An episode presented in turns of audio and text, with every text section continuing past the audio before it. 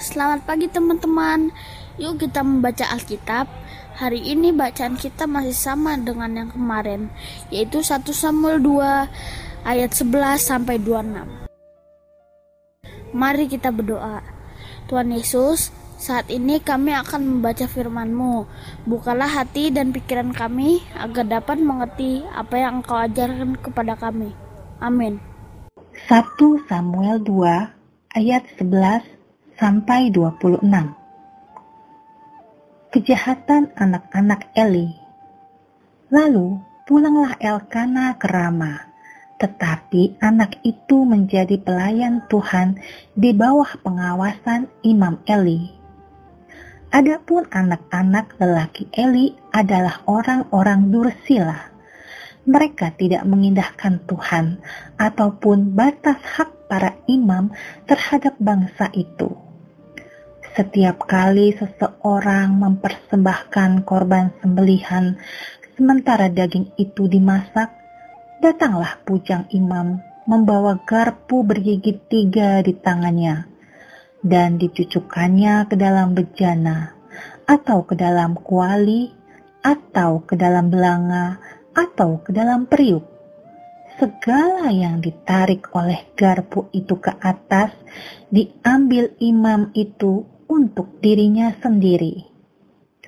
Demikianlah mereka memperlakukan semua orang Israel yang datang ke sana, ke Silo. Bahkan sebelum lemaknya dibakar, pujang imam itu datang, lalu berkata kepada orang yang mempersembahkan korban itu, Berikanlah daging kepada imam untuk dipanggang, sebab ia tidak mau menerima daripadamu daging yang dimasak hanya yang mentah saja.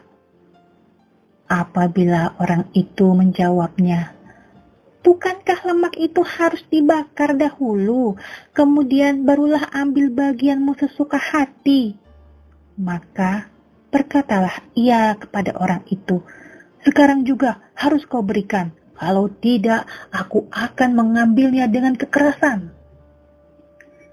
Dengan demikian, sangat besarlah dosa kedua orang muda itu di hadapan Tuhan, sebab mereka memandang rendah korban untuk Tuhan. Adapun Samuel menjadi pelayan di hadapan Tuhan. Ia masih anak-anak yang tubuhnya berlilitkan baju efod dari kain lenan. Setiap tahun ibunya membuatkan dia jubah kecil dan membawa jubah itu kepadanya. Apabila ia bersama-sama suaminya pergi mempersembahkan korban sembelihan tahunan. Lalu Eli memberkati Elkana dan istrinya. Katanya, Tuhan kiranya memberikan keturunan kepadamu dari perempuan ini pengganti yang telah diserahkan kepada Tuhan. Sesudah itu pulanglah mereka ke tempat kediamannya dan Tuhan mengindahkan Hana sehingga ia mengandung dan melahirkan tiga anak laki-laki dan dua anak perempuan lagi. Sementara itu, makin besarlah Samuel yang muda itu di hadapan Tuhan. Eli telah sangat tua apabila didengarnya segala sesuatu yang dilakukan anak-anaknya terhadap semua orang Israel dan bahwa mereka itu tidur dengan perempuan-perempuan yang melayani di depan pintu kemah pertemuan, berkatalah ia kepada mereka, Mengapa kamu melakukan hal-hal yang begitu sehingga kudengar dari segenap bangsa ini tentang perbuatan-perbuatanmu yang jahat itu? Janganlah begitu, anak-anakku. Bukan kabar baik yang kudengar itu bahwa kamu menyebabkan umat Tuhan melakukan pelanggaran.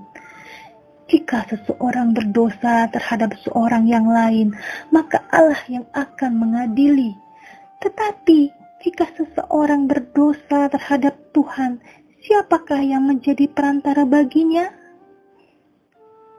Tetapi tidaklah didengarkan mereka perkataan ayahnya itu, sebab Tuhan hendak mematikan mereka. Tetapi Samuel yang muda itu semakin besar dan semakin disukai, baik di hadapan Tuhan maupun di hadapan manusia. Demikianlah pembacaan firman Tuhan. Pada suatu hari, Mama pulang dari belanja dan membawakan bulan, bintang, dan mentari tiga potong kue tart yang sangat lezat.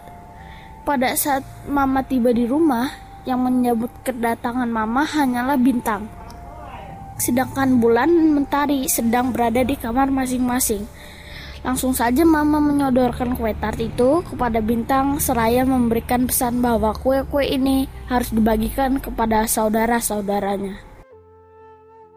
Bintang segera mengiyakan pesan mama itu. Mama pun masuk ke kamar untuk beristirahat. Bintang menikmati kue yang barusan diberikan kepadanya. Sungguh enak kue itu. Bintang merasa tidak puas dengan bagiannya. Bintang langsung menyusun strategi supaya ia dapat memakan lagi potongan kue tart yang lain. Lalu Bintang memakan kue milik Bulan dan membagi kue mentari menjadi dua sehingga mereka hanya mendapat potongan-potongan kecil saja. Sejam kemudian, Bulan mentari keluar dari kamarnya. Lalu dengan langkah pasti Bintang langsung menyodorkan kue-kue dengan potongan kecil tersebut. Pada saat menerima kue tersebut, Bulan merasa ada yang tidak beres dengan potongan kue tart yang seharusnya rapi dan bersih. Bulan pun langsung bertanya pada adiknya, Bintang, mengapa potongan kue ini berantakan? Bulan bertanya pada Bintang, Menurut teman-teman, apakah jawab Bintang? Teman-teman, bagaimana seharusnya sikap Bintang atas pesan mama itu? Apa yang orang jujur akan alami menurut Alkitab? Yuk kita berdoa. Bapa di surga, kami tahu sering kali kami mengingini milik orang lain. Ampuni kami Tuhan, dan ajar kami menjadi anak yang jujur. Terima kasih Tuhan, dalam nama Tuhan Yesus. Amin.